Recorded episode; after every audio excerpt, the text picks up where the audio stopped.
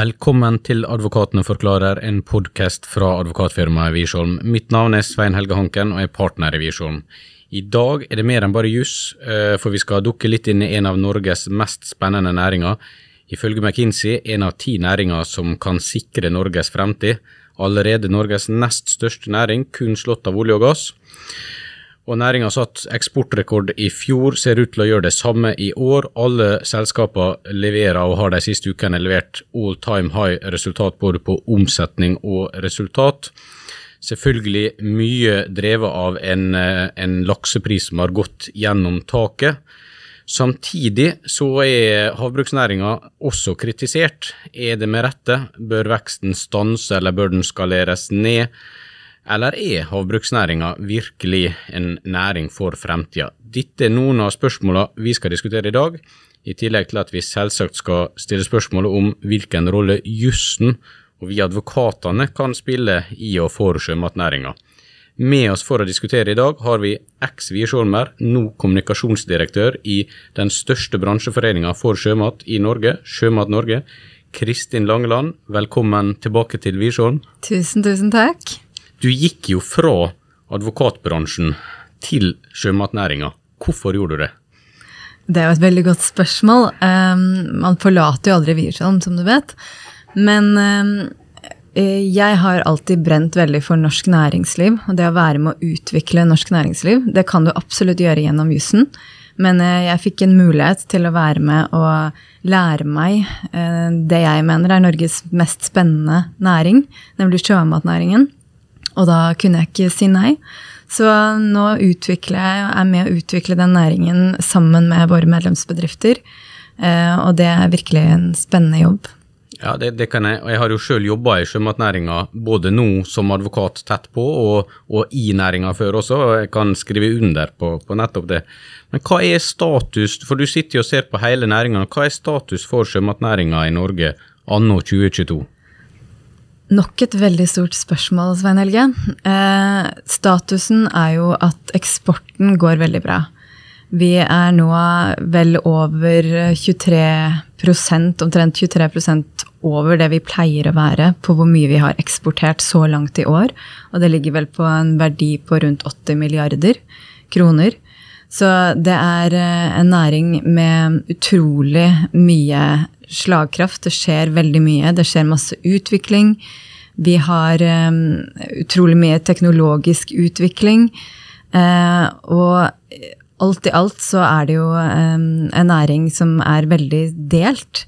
Vi hører jo alltid solskinnshistoriene. Men var det bare solskinnshistorier, så hadde det ikke vært bruk for sånne som meg. Fordi det er mange problemer, mange utfordringer som den næringen står overfor, som så mange andre. Og de siste årene har jo vært alt annet enn enkle. Men uh, dette er en veldig omstillingsdyktig næring. Så når vi får en utfordring, så er, uh, er, man veldig god til å ta den utfordringen og omstille seg og endre seg og gjøre det beste ut av det. Og det er vel noe av det med omstilling er vel noe av det som kan virkelig skape en fremtid også uh, av denne næringa, eller en enda større fremtid. Så høres det ut som du er optimist og på en måte tror at dette er en næring for fremtida, men, men, hva med altså den kritikken som vi hører, stadig hører, altså det er for mye lakselus, og det er tilgrisa havbunn, det er, vi har jo hørt om antibiotikabruk, og det er på en måte det er stadig på en måte miljøpro og helseproblem som på en måte vi leser om i avisene. Eh, kan vi bare feire eh, Stemmer ikke det, eller hva er, hva er status på disse utfordringene? Altså jeg mener jo at vi er kanskje for gode til å snakke om nettopp utfordringene, og for dårlige til å snakke om mulighetene og alt det positive som skjer. Eh, men når det er sagt, så, så er du ikke Norges nest største eksportnæring uten utfordringer. Vi driver i naturen, vi driver med biologisk masse. Det er masse problemer som kommer som følge av det. Og la oss kalle det problemer, ikke bare utfordringer. Eh, vi kan være såpass ærlige. Men eh, veldig ofte så er det myter som henger igjen om hva de reelle utfordringene er. Eh, det er jo fremdeles noen som tror at det er antibiotika i laks. Det har det ikke vært siden 80-tallet. Eh, og det er eh, i det hele tatt veldig mange av de tingene som man kanskje hører om som problemer som er veldig regulert og veldig tatt hånd om nå. Så Selvfølgelig så er det ting som må bli bedre. Eh, hvis vi skal nå de målene som vi har som næring, så er vi nødt til å bli bedre. Men, eh, men igjen, er, vi er teknologioptimister og er helt sikre på at vi finner frem til de løsningene.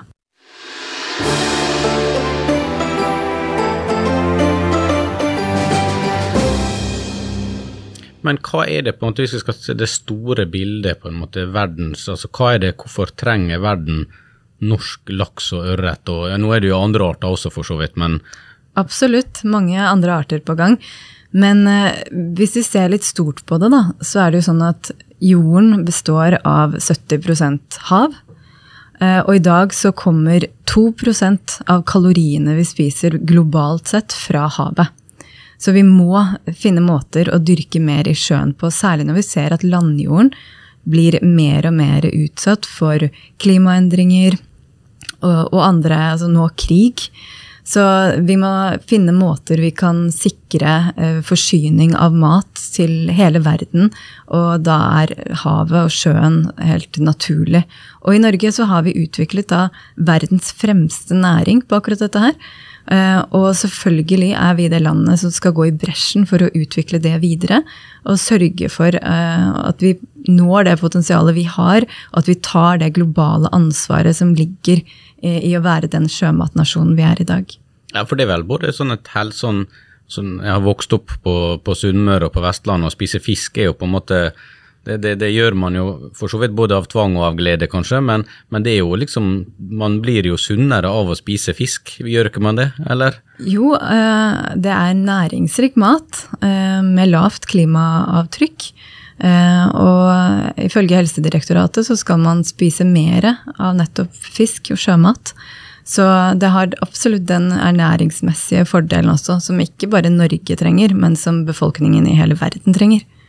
Ja, nei, og det, og det, er jo eh, artig. Noen utfordringer er det jo i alle næringer, som du sier. og Selvfølgelig den største store næringa, olje og gass, er jo vi er jo helt avhengig av den, og nå er det mest kanskje positiv oppmerksomhet rundt den, men det er jo ikke så mange månedene siden kanskje klimasida var, var, et stort, eh, stort, på en måte negativt tema der. og Da er det jo interessant og spennende å se at, og høre om at havbruksnæringa og sjømatnæringa at det på en måte har det motsatte kanskje effekten, at det kan virkelig være med på en del av løsninga. Ja, det... hvis du spiser mer sild og poteter, Svein Helge, så gjør du allerede noe godt for planeten. Jeg foretrekker kanskje laks, men, eh, men eh, okay. litt sild og poteter også. Det, um, Bra. Um, og så og så har vi jo altså vi har jo hørt historie, for det er jo en ganske ung næring og en ganske sånn nedpå-næring. altså Man er fokuset på konsernsjefene, særlig de store børsnoterte selskapene, er kanskje mer opptatt av nesten av hva som skjer på mærekanten og, og biologien i havet, enn hva som skjer på eh, verdens børser og sånt.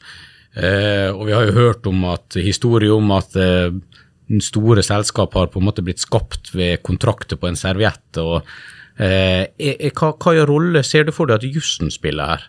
Nå må jeg først arrestere deg da, at Sjømatnæringen som sådan er ikke en ung næring. Nidarosdomen ble bygget for tørrfiskpenger, så det å være en sjømatnasjon det ligger i det, måtte, hele vår historie. Eh, men havbruksnæringen er relativt ny. Og den er jo ikke mer enn feiret vel 50 år for et par år siden. Eh, og der skjer det jo en vanvittig utvikling. For å si det sånn, så tror jeg at vi kan ikke være verdens beste sjømatnasjon, ledende sjømatnasjon, om ikke vi også har eh, et juridisk miljø som eh, leder an og er verdensledende på det området. Eh, så vi trenger helt klart de klokeste juridiske hodene for å være med å utvikle den næringen regulatorisk. Det, og der er det mye som haster. Der er det mye vi trenger å få på plass nå. Eh, det er mange nasjoner som kjemper om å eh, lede an i den havbrukssiden. Mange, altså Kina man produserer fisk i ørkenen i Saudi-Arabia. Det skjer så mye så mange steder fordi det er et global etterspørsel etter mer mat, altså sjømat. Så eh, det at vi får på plass de regulatoriske rammene, det er helt avgjørende. Og da må vi ha de gode juridiske miljøene. Og der er kanskje der spiller vi kanskje litt i dag, for vi er jo kjent for å ligge på en måte i front egentlig på en del av disse områdene. Vi har bedre rammeverk og regelverk enn mange av de andre nasjonene vi, vi sammenligner oss med. Det som du arresterte med at dette her er jo ikke sjømatnæringa som sådan, er jo ikke en ung næring. Og der kan vi kanskje leve litt videre på at vi har, vi har levd av havet i tusener av år, skulle si, og har, har, bygd opp på en måte en respekt for at dette må kontrolleres på et vis.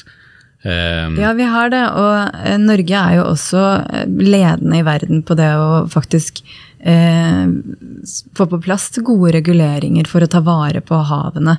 Jeg var i London før sommeren, og da eh, kom det en intervjuforespørsel fra BBC for at de ville høre hvordan Norge hadde fått til dette med bestandsregulering i, i sine farvann. Fordi hos dem så dør bare fisken ut, fordi de klarer ikke å, å sørge for å ha en bærekraftig bestand. Så eh, ofte så får vi et inntrykk av at ting står så dårlig til her, men vi, vi er også global leder på å utvikle gode eh, regulatoriske rammer for å ta vare på havene våre og fisken i det. Ja, Det blir spennende, og vi, og vi, ser jo at det er stadig oftere et tema. altså Det kan være skatt, eller det kan være havbruksrett, eller mer eh, altså sånn ESG, altså Environmental Social Governance. altså det, så, så, det blir jo bare Vi ser det jo oftere og oftere, eh, også, også, i denne næringa. Men hvis du skal ta på deg på en måte fremtidsbrillene og se fremover, hva blir det viktigste for, for sjømatnæringa fremover? Jeg tror at det viktigste er en blanding av at vi klarer å nå ut og bygge en forståelse for det potensialet som ligger i næringen ute hos nordmenn flest.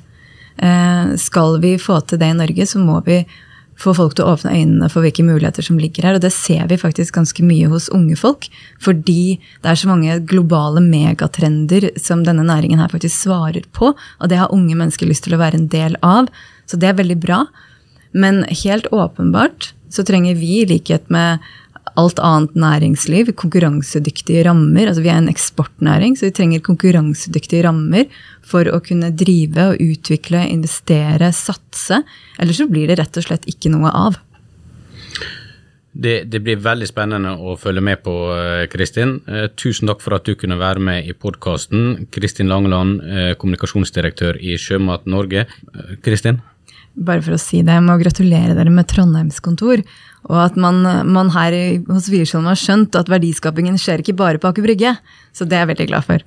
Og takk for det. Og der skal vi vel, skal vi vel samlokaliseres med Sjømat Norge også, så det blir veldig kjekt å dele kontor. Flere podkaster derfra, da. Flere podkaster derfra.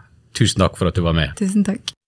Vi planlegger flere podkaster med fokus på juss og havbruksnæringa, eh, men dere må smøre dere med litt tålmodighet. I mellomtida kommer det andre jusspodkaster herfra, og denne programlederen han skal nå ha pappaperm, og så ses vi igjen om ikke lenge.